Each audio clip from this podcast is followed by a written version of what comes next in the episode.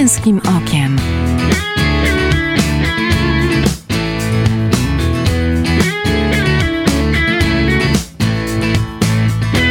Zapraszam Michał Bondyra.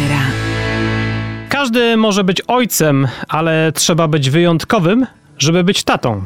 Powiedziała swego czasu Ann Gades, fotograf robiąca kapitalne zdjęcia niemowlaków. Ale co to oznacza być tatą? E, Czy jest e, jakaś szansa, by się do tego tacierzyństwa dobrze przygotować? Czy w wychowaniu bardziej liczą się doświadczenie, wiedza, a może intuicja i to, co podpowiada nam serce? Poszukajmy tych odpowiedzi wspólnie. Zapraszam. Nazywam się Michał Bondyra i witam Was, drodzy słuchacze, w kolejnym odcinku Męskim Okiem. Moim gościem jest dziś Marcin Perfuński, prowadzący bloga Super Tata TV, y, bloga o tym, jak jest być tatą, ale i bloga o kulturze i mediach y, pankulturalny blogs.pl. Marcin jest dziennikarzem, ma swój program y, w strefie rodzica w Polskim Radiu Dzieciom, ale przede wszystkim, co chyba najważniejsze, jest mężem Ani i tatą pięciu córek. Cześć Marcinie. Cześć Michale, wszystko się zgadza. Bardzo dobry research zrobiłeś. Gratuluję. Dobre wejście mieliśmy, to teraz e, jedziemy z koksem dalej. E, twój najbliższy świat to świat kobiet. E, masz ich przecież w domu aż sześć. E, powiedz, jak ty się odnajdujesz w tym świecie kobiet? Ja się odnajduję znakomicie. Jeszcze dodajmy, że ma- mam suczkę jedną i, no i królika, ale z królikiem było tak, że nie wiedzieliśmy jaką ma płeć, bo był za mały. I okazało się, że jednak jest chłopcem, ale myśleliśmy, że jest króliczką, ale nie. Okej. Wie, ale zdecydowanie tak, przewaga kobiet w domu, yy, wiesz, no ja się czuję bardzo dobrze i tak w ogóle żeśmy zaczęli z grubej rury i chyba może warto podchwycić to, że yy, jakby moja przeszłość prowadziła, mam wrażenie, do tego momentu, żebym miał same kobiety w domu. Aha. Ja się wychowałem bez taty. Ale zobacz, no wyprze- wyprze- no. wyprzedzasz wszystkie rzeczy. Chciałem się pochwalić researchem, a ty już wyprzedzasz. Nie dajesz zadać Ale pytań. wiesz, jakie to jest ważne, wiesz, jakie to jest ważne, bo ja tak sobie myślę, że wszystko się tak układa w jakąś całość. Nie chcę powiedzieć, że to jest palec Boży, tak, no praca taty to nie jest, wiesz, działanie Pana Boga, nie, że, że on to zrobił specjalnie, bo miał Mhm. na myśli dobro moich córek, nie, tylko, Mhm. że tak bez takiego osobistej tragedii wyprowadził dobro, to może w ten sposób. Ale tak, ja się czuję w ogóle bardzo dobrze, to, to może tak, zróbmy krok wstecz, żeby twój research wybrzmiał jako właśnie tutaj, że, żeby cię pochwalić. Dobrze. Ale tak, y, bardzo dobrze się czuję. To nie jest tak, że facet wychowuje syna, a matka wychowuje córkę. Absolutnie nie. Mhm. myślę, że odłóżmy takie myślenie już do przeszłości. To już tak nie jest. Naprawdę bardzo dobrze się czuję w tej roli i mam nadzieję, że córki też dobrze się czują, że mają takiego zaangażowanego tatę. O. Dobrze, zacząłeś od tej twojej przeszłości, e, straciłeś tatę bardzo wcześnie, mama przejęła e, jakby wychowanie i za tatę, i za siebie. Powiedz, e, skąd zatem czerpałeś wzorce, żeby być dobrym tatą? Ha. Dobre pytanie. No to trzeba by pogrzebać szeroko. Wiesz co, no wychowałem się przede wszystkim, a może inaczej. Moje korzenie są na Podlasiu. Mhm. E, Tam moja mama się urodziła, wychowała, ale potem się przeniosła w latach 60. do Warszawy. Urodziła mnie w latach 70. pod koniec. E, Ale wychowałem się w takim bardzo bliskim związku z Podlasiem, ponieważ tam spędzałem wakacje. I to tak przez wiele lat pod rząd. Mm, Tam są rodziny wielodzietne. Dla nich to jest normalne. Tak? No, trójka to taka w ogóle najmniej, a piątka to spoko. I rzeczywiście tam ta rodzina, gdzie, gdzie jeździłem, czy te rodziny, bo one są rozproszone, ale cały czas na jednej wsi, czy tam w zasięgu powiedzmy pół godziny trasy do siebie, że one mają ze sobą bardzo dobry kontakt. Więc tam było dużo mę- męskich wzorców, postaci, różnych charakterów. Więc to był taki pierwszy styk z ludźmi, którzy są ojcami i mają swoje rodziny. Więc obserwowałem, nieświadomie, ale obserwowałem właśnie ich. Mm, Drugi taki, takie źródło, e, to był już taki okres dorastania, kiedy zacząłem dostrzegać, że ja nie mam za bardzo tych wzorców męskich wokół siebie, no bo jest tylko mama, ona ma Mhm. takie podejście kobiety, rękę kobietą. Charakterna jest, to trzeba jej przyznać. a Na Podlasiu są generalnie charakterne kobiety. Tak? No, tam trzeba, żeby przetrwać, trzeba naprawdę być e, mocnym. Mm, Natomiast no, nie jest to mężczyzna. I zacząłem szukać takich męskich wzorów dookoła siebie, nawet nieświadomie, nazywając tego, e, nie nazywając tego szukaniem wzorca męskiego, tylko po prostu faceci, którzy byli jacyś, byli ciekawi dla mnie, nie? Jako Mhm. właśnie tacy mężczyźni, z których można czerpać wzory. Powiem ci, że sporo znalazłem wśród księży. Miałem takich bardzo fajnych e, opiekunów duszpasterskich. E, to był taki wiek dorastania, więc taki trochę wiek buntu. E, I, I znaleźli się ludzie, którzy potrafili ten bunt fajnie zagospodarować, a może w ten sposób, e, taką energię młodzieńczą. E, Na przykład takim wzorem był dla mnie ksiądz Mieczysław Maliński. Mhm. Bardzo mi jego książki pomogły na, na pewnym etapie życia. On, wiesz, on potrafił bardzo ładnymi słowami, on trochę tak na granicy poezji e, to pisał, ponazywać metaforycznie różne rzeczy, które się dzieją w człowieku, zwłaszcza nastoletnim. I właśnie on mi bardzo dużo rzeczy uporządkował. Potem że- że zresztą się spotkaliśmy, rozmawialiśmy, napisałem pracę magisterską o nim nawet, więc wiesz, no taka postać dosyć dla mnie ważna. I potem już kiedy wiedziałem, że już byłem po ślubie, wiedziałem, że będziemy mieli dziecko, to zacząłem szukać już tak bardziej intensywnie, już nazywając rzeczy po imieniu. I pojechałem na spotkanie Tatonet. Mhm. To było spotkanie, ale to nie było forum, tylko to były takie warsztaty. Siedem sekretów efek- efektywnego ojcostwa.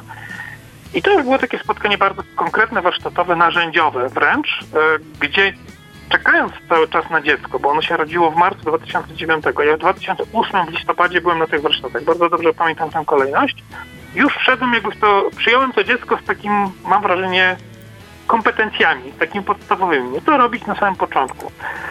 I tu ważna informacja, nie zdradzając za dużo, bo to też może warto zachować pewną tajemnicę tych warsztatów. Nie, nie, niech każdy przeżyje je po swojemu, ale że tam jest mniej takich technicznych informacji. Nie, to nie chodzi o to, że to jest warsztaty, nie wiem, jak przywijać dziecko, tak? To jest na szkole rodzenia. Ale takie warsztaty kierunku, ukierunkowujące na takie relacje z dzieckiem, nie, żeby od samego początku o to ba- dbać, że to jest ważne, nie, że dziecko może nie potrafi tego wypowiedzieć, bo nie wiem, przez pierwsze miesiące nie mówi, e, ale już wtedy, już jest z tobą w relacji, że warto o to dbać i warto to budować.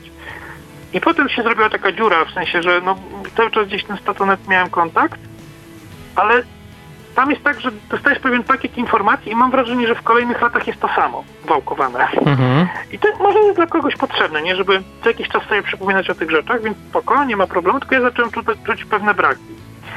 I wtedy, słuchaj, wszedłem właśnie w blogosferę. Mm, Wtedy to się nazywało blogosfera, teraz już, już nie tylko blogi, już są inne kanały, ale komunikujemy się generalnie w internecie, gdzie poznałem właśnie różnych ojców i różne podejścia do ojcostwa, niekoniecznie osadzone w chrześcijaństwie, bo to nawet jest osadzone w chrześcijaństwie. Mhm. I to też było bardzo ciekawe, bo okazało się, że ludzie z różnych źródeł czerpiąc etykę, moralność e, czy wzorce zachowań, mam wrażenie, że mówią o tym samym, bardzo podobnym językiem. Że to jest Mhm. bardzo ludzkie, rozumiesz, że ro, rodzicielstwo jest tak wpisane w naturę człowie- człowieka, że trochę niezależnie od tego, skąd wychodzimy, to spotykamy się w tym samym miejscu. To Marcin, i, i tu od razu chciałem z ciebie zapytać, dopytać, bo e, powiedziałeś e, e, o tym, że jakiś tam e, szlif e, na początku, w tym listopadzie 2008 roku m, przyjąłeś. E, powiedz tak z doświadczenia, no twoja najstarsza córka ma 12 lat.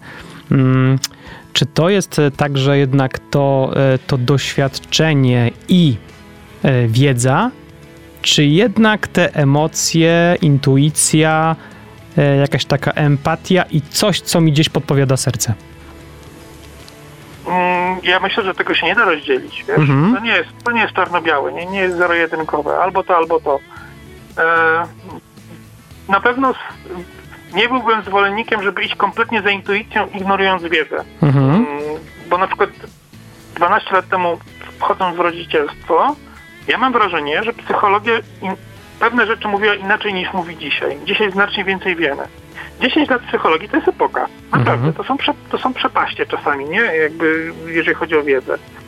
Mm, I y, dlatego nie chciałbym ignorować kompletnie wiedzy. Z drugiej strony miałem takie doświadczenie, że tak bardzo się zafiksowałem, może nie zafiksowałem to złe słowo, ale takie, tak bardzo chciałem być korekt w, w, na przykład w podejściu e, takim bliskościowym do dziecka, Mhm. że bałem się tego, co mi podpowiada serce, że o nie, może ono podpowiada źle, nie? Że może ja jeszcze za mało wiem, więc lepiej się zdać na, na taką chłodną, wiesz, Kalkulację trochę. Mhm. kalkulację, tak, tak, że, że, że wiesz, że mam podręcznik, który mi mówi, jak mam robić, Mhm. nie? A nie, że, a, a że ja powinien przytulić dziecko, zamiast na przykład coś robić, nie? Mhm. I y, to bardzo taki, wiesz, przykład może no, anegdotyczny, ale ich będzie, że właśnie, nie wiem, jakieś dziecko sfrustrowane, to były różne takie metody wiele lat temu, że wiesz, y, na chłodno, wiesz, to ono musi się uspokoić, dać mu w ogóle się wykrzyczeć, w ogóle zamknąć w pokoju, niech ono się wykrzyczy, jakieś takie nieludzkie metody, nie? To, to, to nie mówię, że to bliskościowe jest, absolutnie to nie jest bliskościowe. Bliskościowe jest raczej takie, że właśnie przytulić, nie? Mhm. Utulić w tym smutku, przejąć ten, ten, ten smutek, bo ono sobie z tym nie radzi, dziecko. A wiesz, serce mi to mówiło, E, a jakieś tam metody, których już, o których już zapomniałem, mówiły, niech dziecko się wypłaci, niech dziecko się wykrzyczy i dopiero wtedy możemy zacząć I rozmawiać. szedłeś bardziej za sercem, czy za tym, co ci mówiły metody?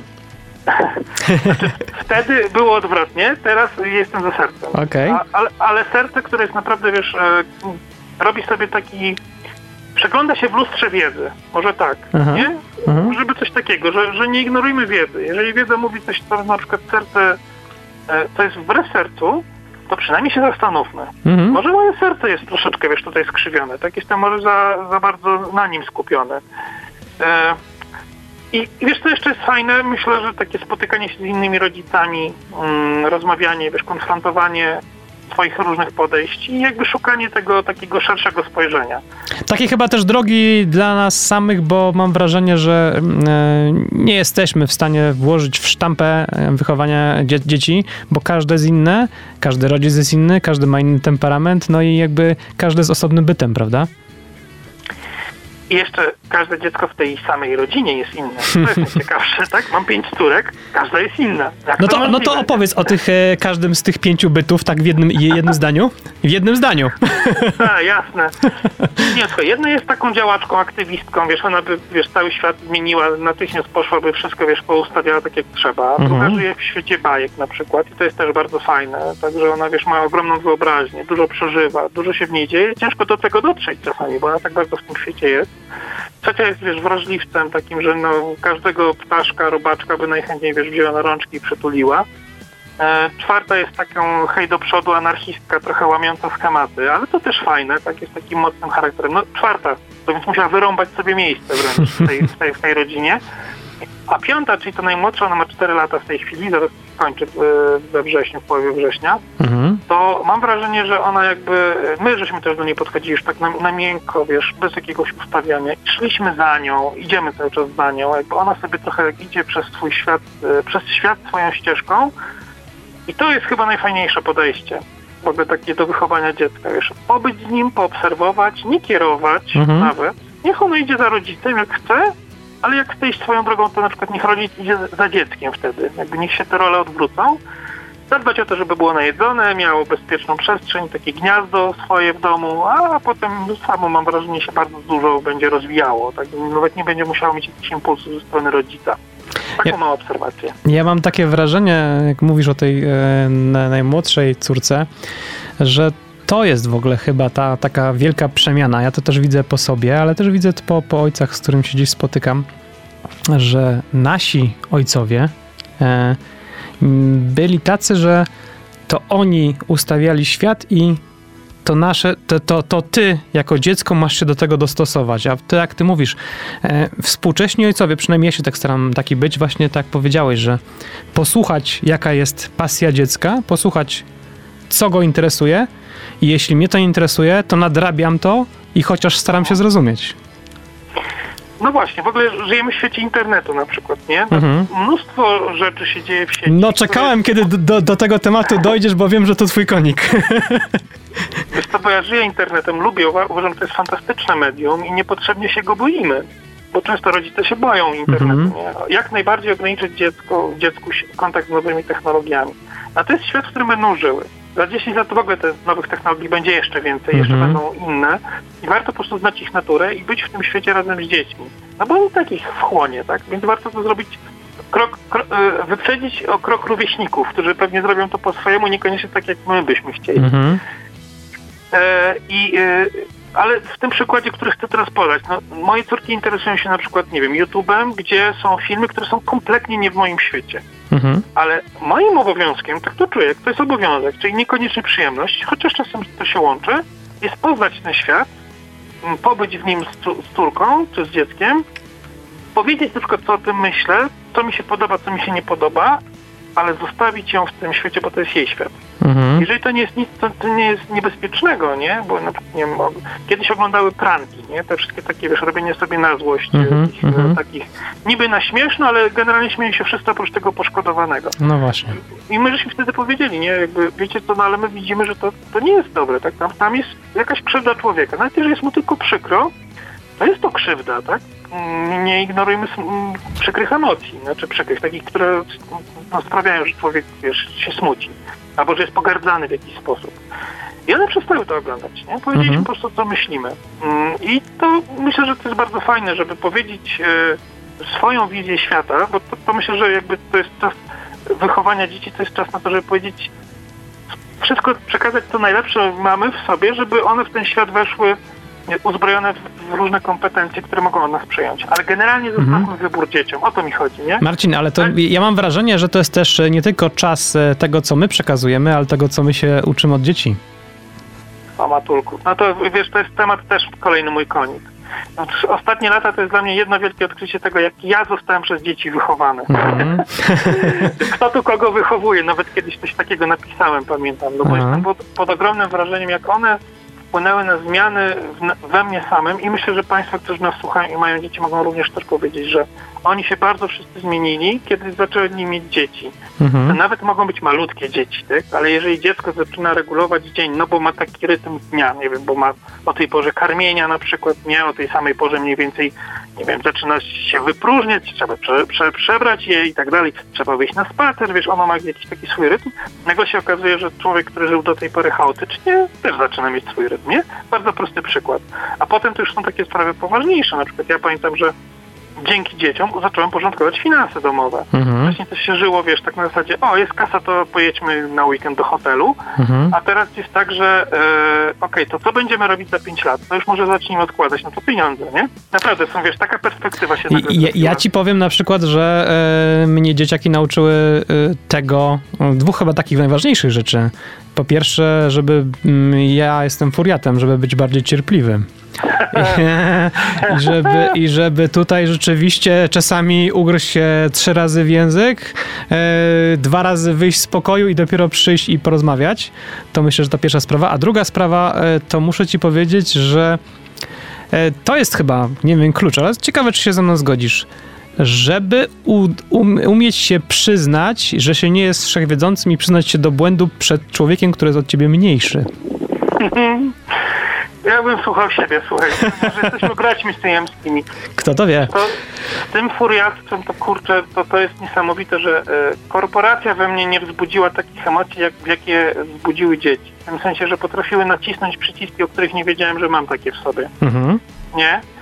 I że, ale że jakby to w porządku jest, nie? Bo one po prostu są dla mnie takim e, e, wykrywaczem kłamstw. O, może nawet tak, Mhm. nie? Że, że jakby tam się nie da być przed dziećmi nieprawdziwym.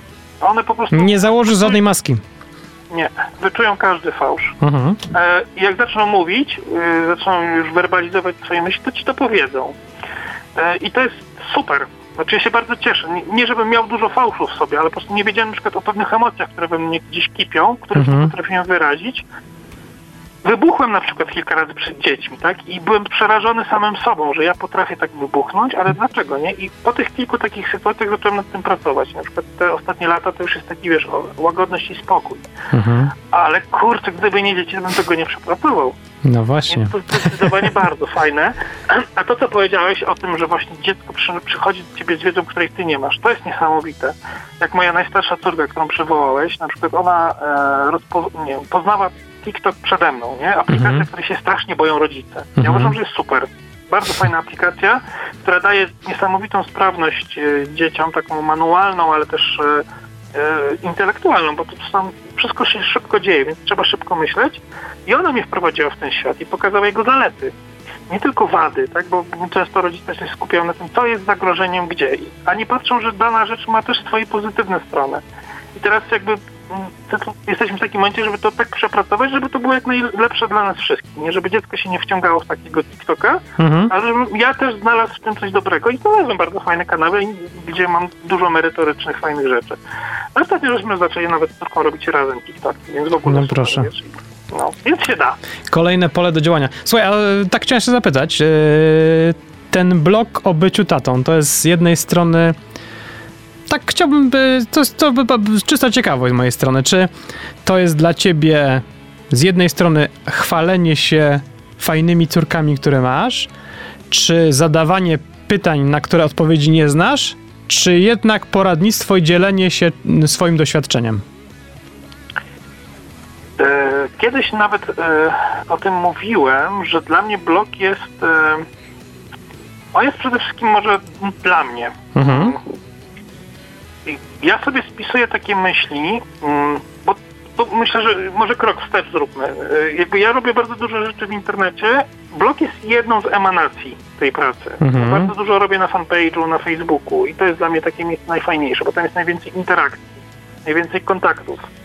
E, Jest oczywiście Instagram, jakiś tam Twitter, ale też takie mniejsze są te kanały. Natomiast blog jest dla mnie takim miejscem, gdzie gromadzę, staram się gromadzić przede wszystkim takie myśli, które są ponadczasowe. Czyli jeżeli ja za 5 lat po nie sięgnę, one będą aktualne. Mhm. Czyli jakieś takie refleksje, wiesz, z lotu ptaka. Pamiętnik. Trochę tak, ale pamiętnik, wiesz, nie na zasadzie byłem, zrobiłem, Mhm. poszedłem spać, tylko że zrozumiałem tego dnia, że to jest ważne na przykład, nie? Mhm. Miałem taką historię, bardzo ją lubię, ona jest chyba sprzed pięciu lat, kiedy moja córka pojechała ze mną na wycieczkę rowerową i ona się zakończyła takim jakimś strasznym buntem z jej strony. Fochem. Można Mhm. powiedzieć, dziecko, dziecko się sfoszyło, tak, zrobiło mi awanturę. Jak tak można? Ona powinna słuchać rodzica. A dla mnie to był moment na przykład zatrzymania, czyli jakby zrozumienia, dlaczego ona się uniosła, nie? Gdzie, gdzie był błąd, co się stało. E, i gdzieś ten błąd może był po mojej stronie. I pamiętam ten wpis mm, y, i wiesz, on, on był wtedy, tam, w tamtym momencie, ale jak go czytam teraz, to mam wrażenie, że rodzic też może sobie odnaleźć e, w tym scenę ze swojego życia, tak? Bo dzieci mają takie momenty wybuchu, my nie wiemy o co chodzi, pewnie ma kaprys, nie? Mhm. Często nazywam w taki pogardliwy sposób. Dla mnie to jest pogardliwy sposób. Zamiast próbować zrozumieć, co się za tym kryje, bo no, zawsze się za reakcją dziecka coś kryje. To nie jest tak, że ono robi, bo ma taką strategię, wiesz, e, robienia na złość rodzica. Mhm. Nie, nie, nie. Ja Często to jest jakieś wołanie, za, e, zauważ mnie, jest mi źle na przykład, prawda? ale nie nazwane w ten sposób, Mhm. nie? Bo dziecko często nie potrafi powiedzieć, że nie wiem, tato czuje, że jestem w dołku psychicznym. No dziecko nie nazywa tego w ten sposób, to jest trudne słowo, nawet nie wie co to znaczy, tak? Ale na przykład wyraża w jakiejś agresji e, właśnie coś takiego, że jest mu po prostu źle w życiu.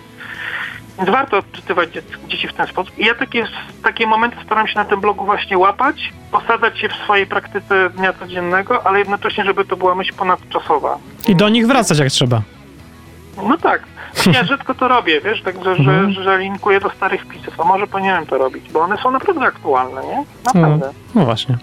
Ponadczasowe. Słuchaj, właśnie, e, pięć córek. Czy w związku z tym, że masz tych córek aż pięć, że nie masz synów, e, to posiad, posiadłeś taki e, klucz do relacji e, z młodymi kobietami, z córkami?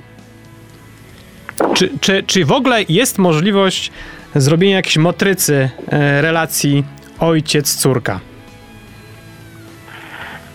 O, a jest matryca relacji ojciec-syn? Bo, bo nie wiem, Nie wiem. ty masz synów. Mam, ale powiem ci, że mam wrażenie, że nie. Wiesz, czym to się różni na przykład? Aha. Wiesz, ja nie jestem... Ja bardzo bym chciał, żebyśmy też wyskoczyli z takiego myślenia, że nie wiem, syn, y, chłopcy są, wiesz, mało emocjonalni, a dziewczynki są bardzo Mhm. emocjonalne. Ja na przykład bardzo się cieszę, że mam same dziewczyny, bo one mi też pokazują, jak bardzo ja jestem emocjonalny, tylko przez, y, no... Ale, ale, ale wiesz, wiesz, wiesz Marcin, no. o co pytam? Pytam o to, czy przez to, że na przykład było ci łatwiej do pewnych rzeczy podejść już za drugim, trzecim, czwartym razem, mimo że te osobowości twoich córek są różne, sam zresztą powiedziałeś pięknie o nich, e, czy jednak mimo wszystko było łatwiej? To była jakby matryca taka podejścia do kobiet. Tak, że, że, tak. mm, że ona mi się... No może tak było, że czy w tym sensie, że jakby pierwsze córki pomogły mi e, Zrozumieć potem te małe. Mhm. zrozumieć i znaleźć język komunikacji. Mhm. Tylko ja myślę, że ten język, on naprawdę da się go przenieść również do komunikacji z chłopcami. Tak zakładam, nie, że jakby tutaj pewne rzeczy wynikają z płci, ale generalnie taki w, komunikacji to generalnie tu i tu mamy bardzo podobnego człowieka. Więc Mhm. myślę, że myślę, że tak. To bardziej chodzi o to, że to doświadczenie komunikacji z dziećmi. O, przypomniałeś mi jedną scenę. Przed, jeszcze zanim miałem dzieci, to pamiętam, że pojechaliśmy na jakiś e, wyjazd ze znajomymi, którzy mieli dziecko. I to dziecko zasnęło w ciągu dnia i potem się obudziło. I znajomych nie było w pobliżu, byłem ja. Mhm. Ja bałem się to dziecko wziąć do ręki. Ono było już stojące, nie, nie było pełzające. I A ja się bałem, wiesz, nie miałem w sobie takich zasobów wiedzy, umiejętności, śmi- śmiałości, żeby je wziąć na ręce, przytulić, zanieść do rodziców, wiesz. Musiałem Mhm. pobiec po nich gdzieś tam, nie wiem, pół kilometra, powiedzieć, że dziecko wam się obudziło. Znaczy, trochę przesadziłem, no ale musiałem wybiec z budynku, żeby ich znaleźć. Wiesz, przez te lata się zmieniło to. Jestem w stanie w tym momencie, mam wrażenie, dogadać się z każdym dzieckiem. Tak było Mhm. zresztą tydzień temu, jak byłem na konferencji, gdzie była gdzie pani, czy koleżanka z trzymiesięcznym dzieckiem, no to wiesz, z dzieckiem natychmiast złapałem kontakt i ono zaczęło się uśmiechać.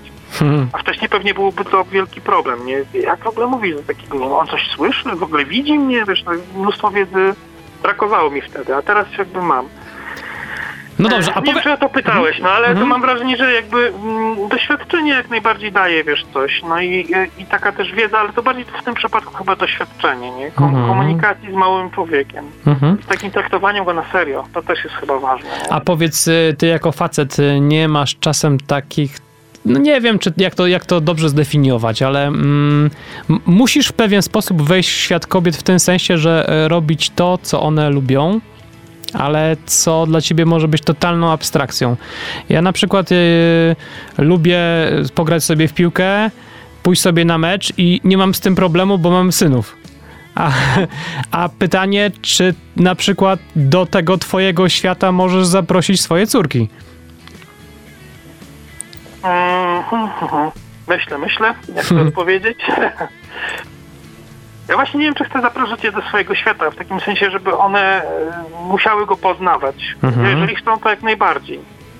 E, Na przykład ta najstarsza córka, ona ze mną pojechała teraz na konferencję dla twórców internetowych, bo e, od roku czy dwóch to jest jej zainteresowanie. Ona też chciałaby być twórczynią internetową, jakichś tam pomysłów na siebie szuka. Mhm. Można powiedzieć, że nasze światy się tutaj spotkały. Ale druga czy trzecia córka już na przykład nie ma takich zainteresowań. Więc nasze światy się tu rozjeżdżają. Ja bym odwrócił to pytanie, czyli czy ja na przykład jestem w stanie wejść do świata dzieci? Mhm. Czy na przykład mogę się zniżyć do poziomu takiego, w sensie na, do poziomu podłogi, żeby się pobawić z córką w e, lalkami? Mhm. To powiem Ci, że musiałem się przełamać. Nie było to dla mnie naturalne, ale jakby zacząłem dostrzegać w tym takie bogactwo, nie? że tutaj, się tutaj powstaje pewien świat. I Wyobraźnia jej przekłada się na, na, na coś realnego i że warto o to zadbać i docenić, nie? żeby ona zauważyła, że ja też w tym jestem, nawet jeżeli to nie jest moje. No i wtedy chowasz do kieszeni swoje męskie ego. Tak, ale jest mi z tym dobrze. Jakby nie czuję, że to jest strata, to jest mój zysk. Ja to, po, ja to potwierdzam. Mhm. No, ale wiesz, to jest, to jest fajne jakby przełamywać siebie i takie Mhm. też wychodzić z takich stereotypów, nie, że jak mężczyzna to nie lalki, no nie. Mhm, mhm. A, a właściwie czemu nie? W tym sensie, że swoim dzieckiem jak najbardziej możesz stworzyć cały świat. Mhm. I to jest fajne, tak? I widzieć jak ono się dzięki temu rozwija. Więc tak, to jest fajne. Dziecko naprawdę, kurczę, zmienia, zmienia dorosłego. To jest, to jest, kurczę, one mają klucz do nas, to nie my do nich mamy, tylko one do nas. Tu postawimy kropkę, bo e, pierwszej części m, będzie tutaj koniec. E, kilka chwil z muzyką. E, kawałek Just the Two of Us e, Willa Smitha. E, po nim wracamy do rozmowy z Marcinem e, Perfuńskim, autorem bloga Super Tata TV, mężem i tatą pięciu córek. Zostańcie z nami. Męskim okiem.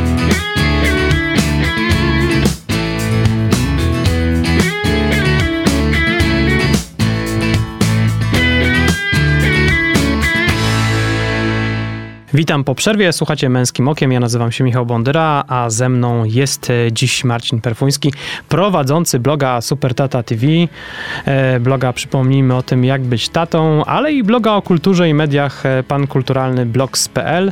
Przypomnę też, że Marcin jest dziennikarzem, ma swój program e, w strefie rodzica w Polskim Radiu Dzieciom, no a przede wszystkim, co najważniejsze, jest mężem Ani i tatą pięciu córek. Cześć, witaj ponownie. Cześć Michale, cześć słuchacze. E, czy jest coś, e, co robiłeś razem z córkami, a które byś dzisiaj powiedział, e, że jest, było obciachowe? Hmm. Chyba nie. Mhm. Wiesz? Mhm. No, nie przypominam sobie takich momentów. Znaczy, pewnie na początku, jak pewne rzeczy robiłem na przykład na placu zabaw, Aha. to mogły mi się wydawać obciachowe, wiesz, ale w takim pierwszym myśleniu, że czy mi wypada na przykład, wiesz, biegać i udawać kogoś tam, jakiegoś pieska. Ale jak tak sobie obserwowałem e, innych rodziców, to mam wrażenie, że jakby wszyscy jesteśmy, wszyscy wiesz, kiwaliśmy do siebie głowami, no tak, wiadomo, Mhm. nie, jesteśmy na placu zabaw, jesteśmy rodzicami, jakby musimy trochę inaczej się zachowywać. Jakby było pełne zrozumienie. Nić Chyba nie porozumienia, więcej nie trzeba.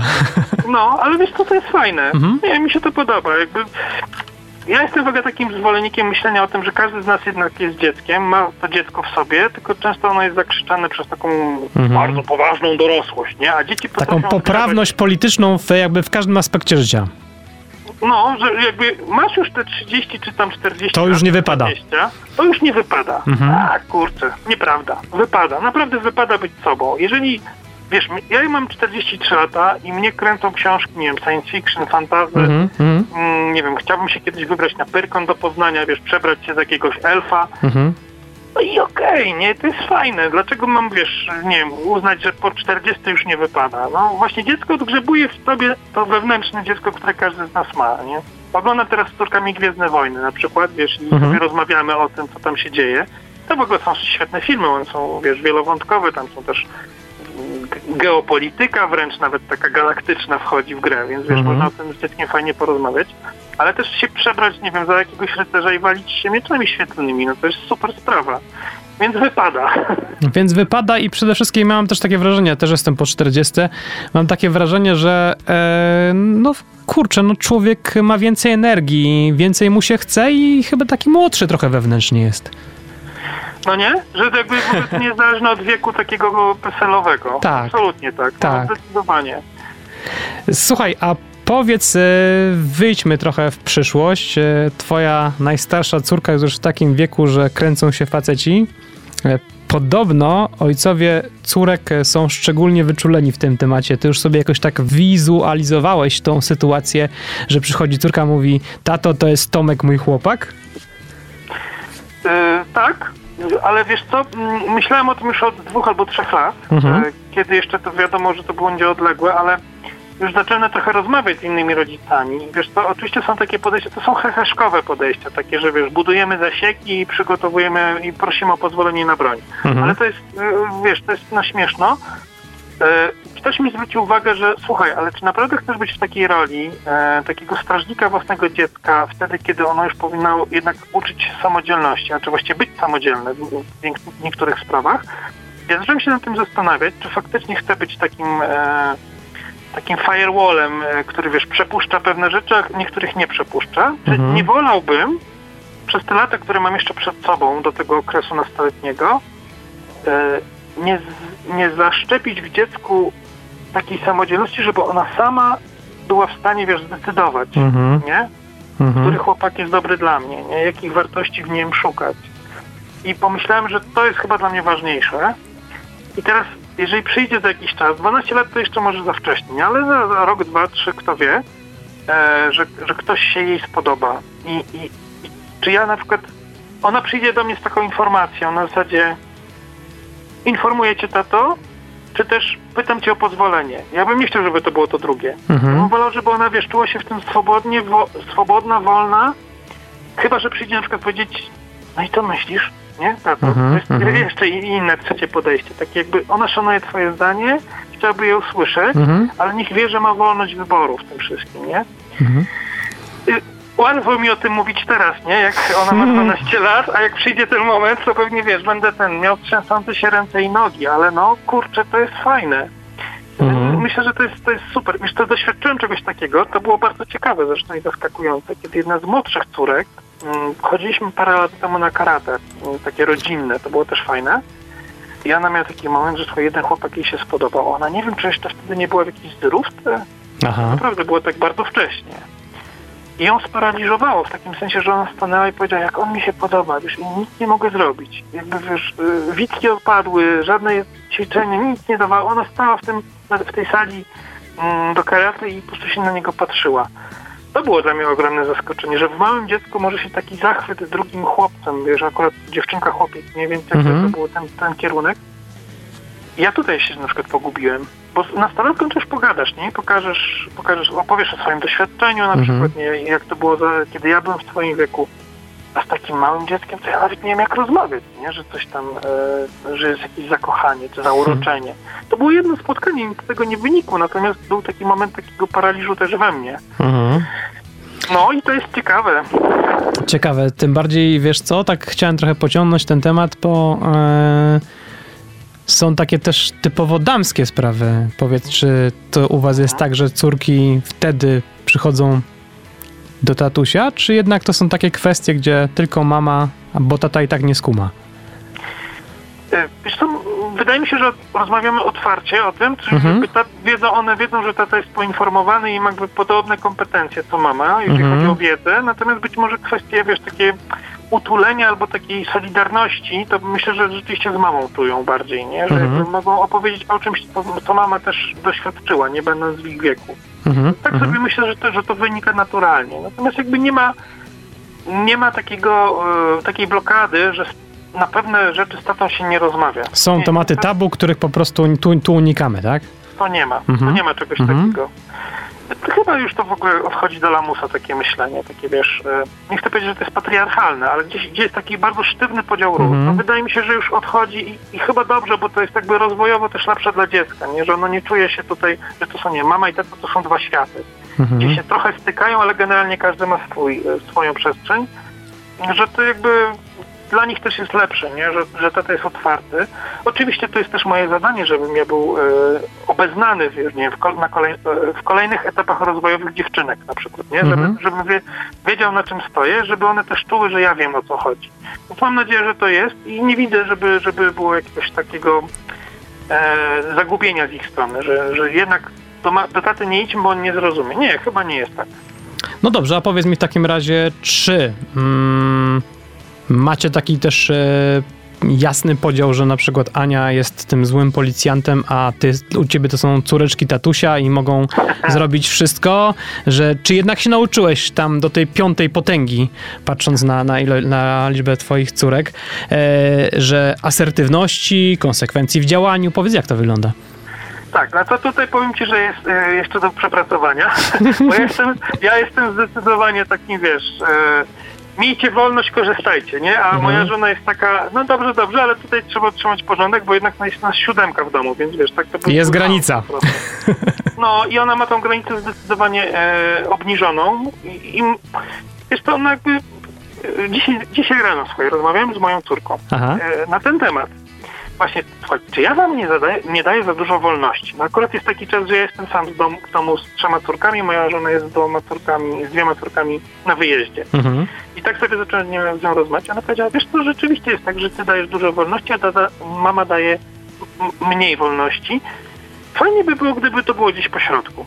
Wiesz, Mhm. to, to był tak fajny, inf- fajna informacja zwrotna ze strony twojego dziecka, że jakby o, jedna córka wczoraj na przykład powiedziała, tata, wiesz co, ty dajesz nam za dużo wolności, jakby czasem nie wiemy, co robić. Mhm. No wiesz co, jak, jak dziecko ci mówi takie rzeczy kilkuletnie, to ja uważam, że to jest bardzo ważna informacja. Nie, że jakby dziecko mówi, że fajnie mieć wolność, ale chce mieć jakąś, jakieś, e, nie granice, to też złe słowo, nie, ale jakby harmonogram działań, nie wiem, Mhm, że wiesz, mamy, mhm. mamy dzień uporządkowany, że tego im też brakuje. Mhm. Ja się bardzo cieszę, że one się tak komunikują i że są w stanie powiedzieć, że coś jest nie tak, że nie boją się powiedzieć, wiesz, e, zwrócić uwagi. Tato, robisz coś źle, nie? Albo, że Mhm. chcemy coś inaczej. To myślę, że to jest jeden z większych, większych sukcesów takich wychowań. Tak, bo to jest, e, pokazuje, że te wasze relacje są bardzo silne. No i że, że nie boją się, nie? Że Mhm. nie wiem, tata nie wybuchnie, nie? Mhm. Tak jak żeśmy mówili o tym, że, że byliśmy wybuchowi, nie? Że, że zdarzyło nam się tak sfrustrować nagle, nie? Powiem ci, że mi się, mi się do dzisiaj zdarza, ale u mnie jest taka śmieszna sytuacja, że najpierw wybuchnę, a potem mówię, dobra, to teraz ci powiem, dlaczego wybuchłem. Siadaj. Ale to, jest, to już jest bardzo dużo. Bo często wybuchaliśmy kiedyś Mhm. nie, i nie, nie tłumacząc dlaczego. Ja, ja pamiętam, że sobie robiłem nawet takie testy, że e, jak raz wybuchłem, to sekundę później dosłownie Mhm. natknąłem się, wiesz, w czoło, co ja zrobiłem.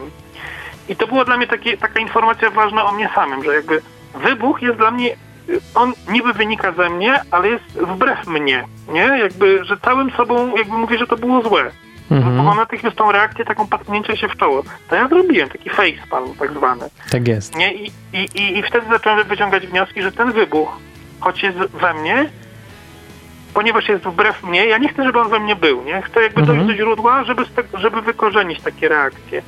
I naprawdę robiłem sobie takie refleksje, że patrząc na przykład na ten rok covidowy, też żeśmy przechorowali covid wszyscy, Mhm. e, że to był dla mnie bardzo ważny czas, ponieważ przereflektowałem przez te 10 dni, bo tyle to trwało mniej więcej u mnie, e, swoje podejście, nie? że na przykład, a nuż gdyby to był koniec, czy ja jestem zadowolony z tego życia, które przeżyłem? Czy ze, ze swoich wszystkich reakcji, ze swoich decyzji, e, ze swoich, nie wiem, no, wyborów, drogi, którą przeszedłem? Czy gdybym na przykład miał szansę zrobić coś inaczej, to co by, to bym to zrobił inaczej? I kiedy wyzdrowiałem, postanowiłem naprawdę wiele rzeczy w sobie zmienić. Więc wiesz, z trudnego doświadczenia wyszło znowu jakieś dobro. I mam wrażenie, że córki to czują, nie? Że już nie jest tak, że tata to, no właśnie, lepiej nie podchodźmy, bo on może wybuchnąć, bo tak Mhm, było, mhm. zdarzało się, Mhm. niestety, że to już jest przeszłość. No dobrze, to jak rozładowujesz swoje negatywne emocje? E, mieszkamy przy lesie. Idę do lasu. Nie, naprawdę, wiesz, być, być, być z dala od e, domu w tym sensie, że ja wiem, że na przykład teraz jestem nabuzowany, więc lepiej może nie wchodzić w relacje, czy w takie, wiesz, jakieś spotkania. Mhm. Przejdę się. e, Miję mi i wrócę. 15 minut wystarczy, nie? Mhm. Naprawdę więcej nie trzeba czasami. I wtedy porozmawiamy jak wrócę, bo ja czuję, że jestem nabuzowany. Zresztą nawet mamy taką, to nie jest pisa, niepisana umowa, ale taka, żeśmy się zorientowali z żoną, nie? że jakby są takie sytuacje, w których czujemy, że ona na przykład przestaje ogarniać, Mhm. potrzebuje zdystansować się na chwilę, albo ja. I sobie to mówimy, to jest bardzo fajny, jasny, czytelny sygnał, nie? Okej, dobra, to teraz nie rozmawiajmy, pogadamy za chwilę. Mhm. I to też, znowu, wystarczy 10 minut, 15, czasem pół godziny, zależy jaka jest sytuacja i nagle człowiek wraca odmieniony. Więc myślę, że to też z dziećmi da się wypracować. A One po- zaczną po jakimś czasie to rozumieć. A powiedz mi tak, bo, bo o, mówimy ciągle o dzieciach, ciągle o tych relacjach, o twoim e, blogu, który ciągle przewija się gdzieś przy okazji tematu, co jest oczywiste. No ale też masz bloga, który, który jest wyrazem twoich pasji kulturalnych, e, związanych też z filmem, kinem. Traktujesz go trochę jako taki swój azyl, gdzie jesteś sam bez dzieci? Znaczy mówisz o takim blogu, który już nie istnieje. Mhm. Chcę zwrócić na to uwagę. Ale wiesz co, Ale przez lata istniał. istniał, istniał, w ogóle się zaczęło blogowanie od takiego bloga Arena Kultury i on Mhm. istnieje. On Mhm. akurat istnieje, można sobie zobaczyć te stare wpisy. Mhm. I chyba to było tak rzeczywiście, że wtedy, kiedy to już był 2014, 13, 2013 rok, ja potrzebowałem po iluś latach, już nastu latach pracy, takiego, takiej odskoczni, gdzie mogę być sobą trochę, nie wiesz, e, pracy zawodowej, która była fajna, bo to było wydawnictwo. Mhm. Mm, No, ale nie mogę, wiesz, w wydawnictwie pisać tego, czego chcę, tylko to jest jakby mm, oczekiwane no, przy jakichś tam projektach. Więc potrzebowałem bloga i to był właśnie taki mój wyraz, e, wyraz moich zainteresowań w tamtym okresie, ale poczułem wtedy po roku, że właśnie brakuje mi jeszcze takiego miejsca, gdzie mogę się wyrazić jako rodzic. No i powstał Super Tata. Mhm.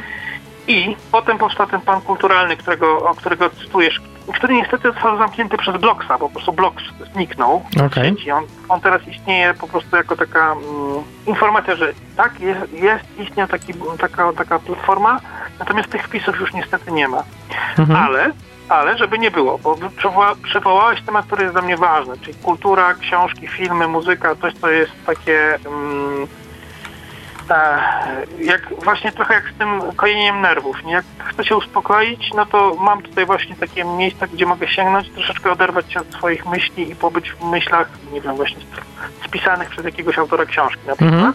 To tak, to bardzo, bardzo mi tego brakowało i chyba do tego będę wracał, tylko nie wiem, czy na osobnym blogu, czy jednak nie pokazać, że rodziców fajnie mieć takie właśnie miejsce, nie? jakieś swoje Mhm.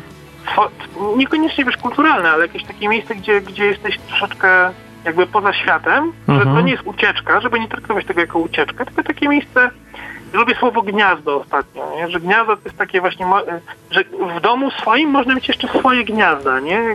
że ja mam na przykład na strychu takie miejsce, Mhm. jak tutaj przychodzę, to właśnie mam, jestem ze swoimi pasjami, myślami, mam tu swój komputer, mam swoje książki, e, właśnie nawet siedzę teraz i rozmawiam z tobą tutaj i jakby tu się czuję dobrze. Więc takiego bloga mi chyba brakuje, ale chcę raczej myśleć o tym, żeby go wprząść w super tatę, nie? Mhm. Żeby pokazywać też rodzicom, to, to myślę, że jest ważne, że zostajemy rodzicami, ale nie przestajemy być, nie wiem, mężczyznami, kobietami, czy też, nie wiem, właśnie piłkarzami, Mhm. e, wiesz, twórcami, e, nie wiem, książek, czy, czy właśnie e, radiowcami, o tak jak ty i ja na przykład, Mhm. nie? Tylko, że, że to też mogło być cały czas nasze pasje, żeby warto, warto o to dbać. Żeby tak chyba w ogóle dla-. Tak, dla higieny psychicznej chyba też takie ważne to jest, O, prawda? to- tego słowa mi brakowało. Tak, higiena psychiczna zdecydowanie. No, więc super. Słuchaj, no w, za dwa dni to, co dzieci lubią najbardziej, oczywiście żartuję. Rok szkolny się zaczyna, e, wyprawki, zebrania, logistyka, ale w, u was właśnie, tu od razu moje pytanie jest, bo, bo z tego co wiem, to za nią postanowiliście postawić na edukację domową. Powiedz, czy te problemy z wyprawką, z zebraniami, z logistyką też was w związku z tym dotykają? Nie dotykają. Znaczy nie, nie jest to problem po prostu. Mhm. Y, Nie, nie żeby ich nie było, w sensie, że mamy, y, wiesz, na jakiś początek roku szkolnego, no to nie wiem, jakieś nam nowe zeszyty na przykład warto mieć, ale nie dlatego, że jest to wymagane, tylko dlatego, że na przykład dzieci chcą sobie notować po swojemu, tak? I, i, i pewne rzeczy trzeba kupić, ale nie jest to problem w takim sensie, że nie wiem, gonimy, bo zaraz 1 września. Generalnie w edukacji domowej jest tak, że możesz sobie zacząć i w październiku naukę, a może i w sierpniu sobie zacząć, jeżeli dziecko się nudzi, proszę bardzo, jeżeli, jeżeli tylko masz taką ochotę. Więc jest tutaj dużo wolności. Mm, ale wiesz co, no nie, nie jestem jakby oderwany kompletnie od szkoły. Jakby nie jestem przeciwnikiem szkoły systemowej. Jest na pewno rzeczywistość do uporządkowania, zdecydowanie. Mm, To już myślę, że od wielu, wielu lat to już eksperci mówią, że, że naprawdę warto się tutaj pochylić trochę bardziej niż na zasadzie pudrowania. Dla mnie, wiesz, likwidacja gimnazjów i przesunięcia takie ro, e, roczników to, to było pudrowanie czegoś, co jest e, do zmiany bardziej dogłębnego. No, Mhm, dogłębnie, mhm. niestety. E, nikt się za to nie bierze, bo wiesz, masz 600 tysięcy nauczycieli. No, ru- ruszanie na wojnę z taką armią, to e, żaden polityk by chyba tego nie chciał, Hmm. tak na serio. Ale nie chcę wchodzić na politykę.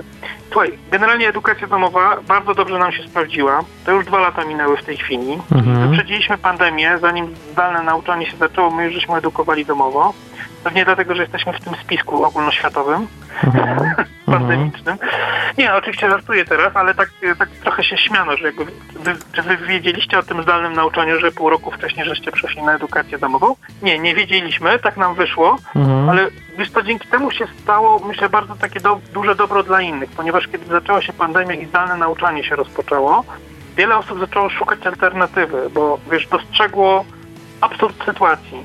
Czyli uczymy się w domu, nie będąc jednocześnie w domu, w edukacji domowej w tym sensie. Mhm. Więc skoro jesteśmy w domu, to może spróbujmy tej innej metody nauczania, czy innego sposobu podejścia, podejścia do nauczania. I wiele osób na przykład do mnie pisało, nie? A jak, jak żeście zaczynali? Gdzie się zapisać? Gdzie spróbować? I pamiętam, że tak z kilkadziesiąt takich konsultacji, wiesz, przeprowadziłem tam w tym e, 2020 roku, przed wakacjami. Aha. Wiem, że wiele, wiele, tak, wiele dzieci zaczęły, zaczęło edukację domową właśnie od września 2020 roku. Dzięki tym konsultacjom. Niektórzy ojcowie do mnie zresztą pisali. To było też fajne, że tak jeden samotny tata. Pamiętam to do dziś, bo to było bardzo poruszające. Który był niestety w, na etapie rozwodu. Mhm. E, dopóki nie ma rozwodu, to dwoje rodziców musi wyrazić zgodę na edukację domową. A mama nie chciała, a on chciał. Wiesz, i to była trudna sytuacja do konsultacji. Pamiętam, że się udało tutaj jakoś dogadać i rzeczywiście to dziecko rozpoczęło edukację domową, a ten tata był ogromnie wdzięczny. Mhm. No więc może można powiedzieć, że przełożyłem troszeczkę swojego małego palca do, do tej zmiany, która nastąpiła, bo teraz chyba tych dzieci jest około dwóch- 20 tysięcy w edukacji domowej, a było 12 tysięcy. Także kolosalna zmiana na plus. Mhm. Wyobrażasz sobie e, życie bez twoich pięciu skarbów? Wiesz co, to było smutne życie. Ja bym nie chciał do niego wracać. Mhm. Nie dlatego, że mnie samemu z żoną było źle, to nie chodzi o moją Anię. Tylko, że był taki moment, wiesz, że mm, e, najpierw w ogóle nie, nie mając jeszcze narzeczonej, byłem bardzo samotny, bo jestem... E, mm, nie mam rodzeństwa.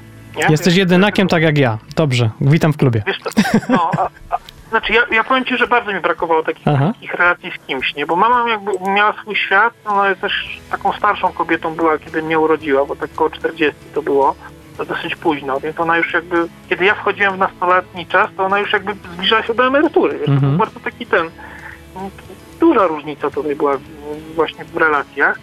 No w szkole te relacje były takie sobie, powiedzmy, żadna nie przetrwała próby czasu, no była duża samotność i we mnie i, i potem taka tęsknota za relacjami wiesz, nie, właśnie rówieśniczymi. Na szczęście się zdarzyła oaza Mhm. w dobrym momencie życia, ale też się skończyła i myślę, że dobrze, że się skończyła, bo to nie był też taki, wiesz, nie, to nie były relacje na zawsze. Mhm.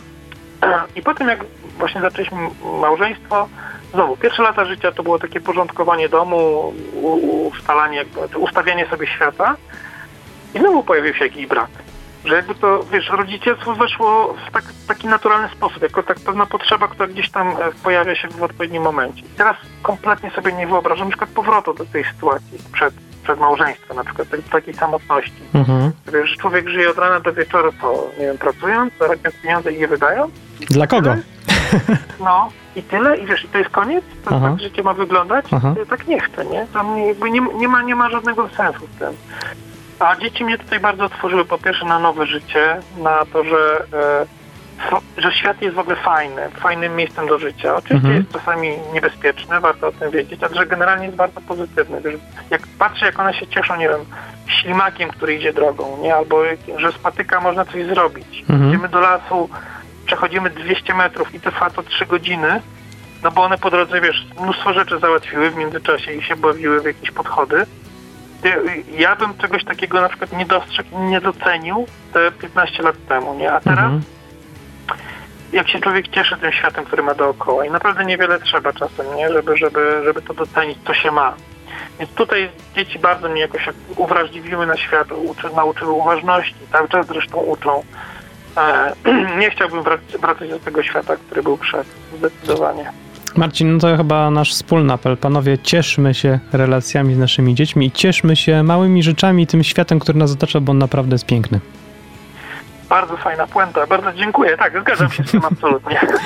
Dzięki serdecznie za tą rozmowę. No dzięki również, Michale. Mam nadzieję, że komuś to służyło, bo to takie trochę dookoła mojego życia, ale Ale to zawsze, zawsze, zawsze to e, doświadczenie i, i przykład pociąga. E, moim i Państwa gościem był dziś Marcin Perfuński, prowadzący bloga Super Tata TV. O tym, e, tego bloga przypomnijmy o tym, jak być tatą. E, dziennikarz e, mający swój program w, e, Strefa Rodzica w Polskim Radiu Dzieciom, a przede wszystkim, jak tutaj pięknie opowiadał mąż Ani i tata pięciu córek. E, no to tak na koniec mi ten przywilej zapowiedź utwór, który byś zadedykował może naszym słuchaczom. bardzo e, ciepłe emocje mam ostatnio z e, piosenkami Sanach. Mhm. I jeżeli mógłbyś, moglibyśmy puścić piosenkę Ten Stan, to byłbym bardzo wdzięczny. Ten stan i salach to wybrał Marcin dla was, drodzy słuchacze. A my wracamy po piosence na Męskim Okiem na felieton. Do usłyszenia. Do usłyszenia.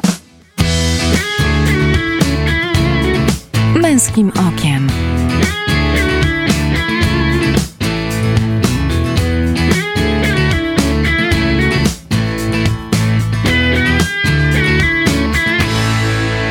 Witam po przerwie w Męskim Okiem. Zapraszam na felieton.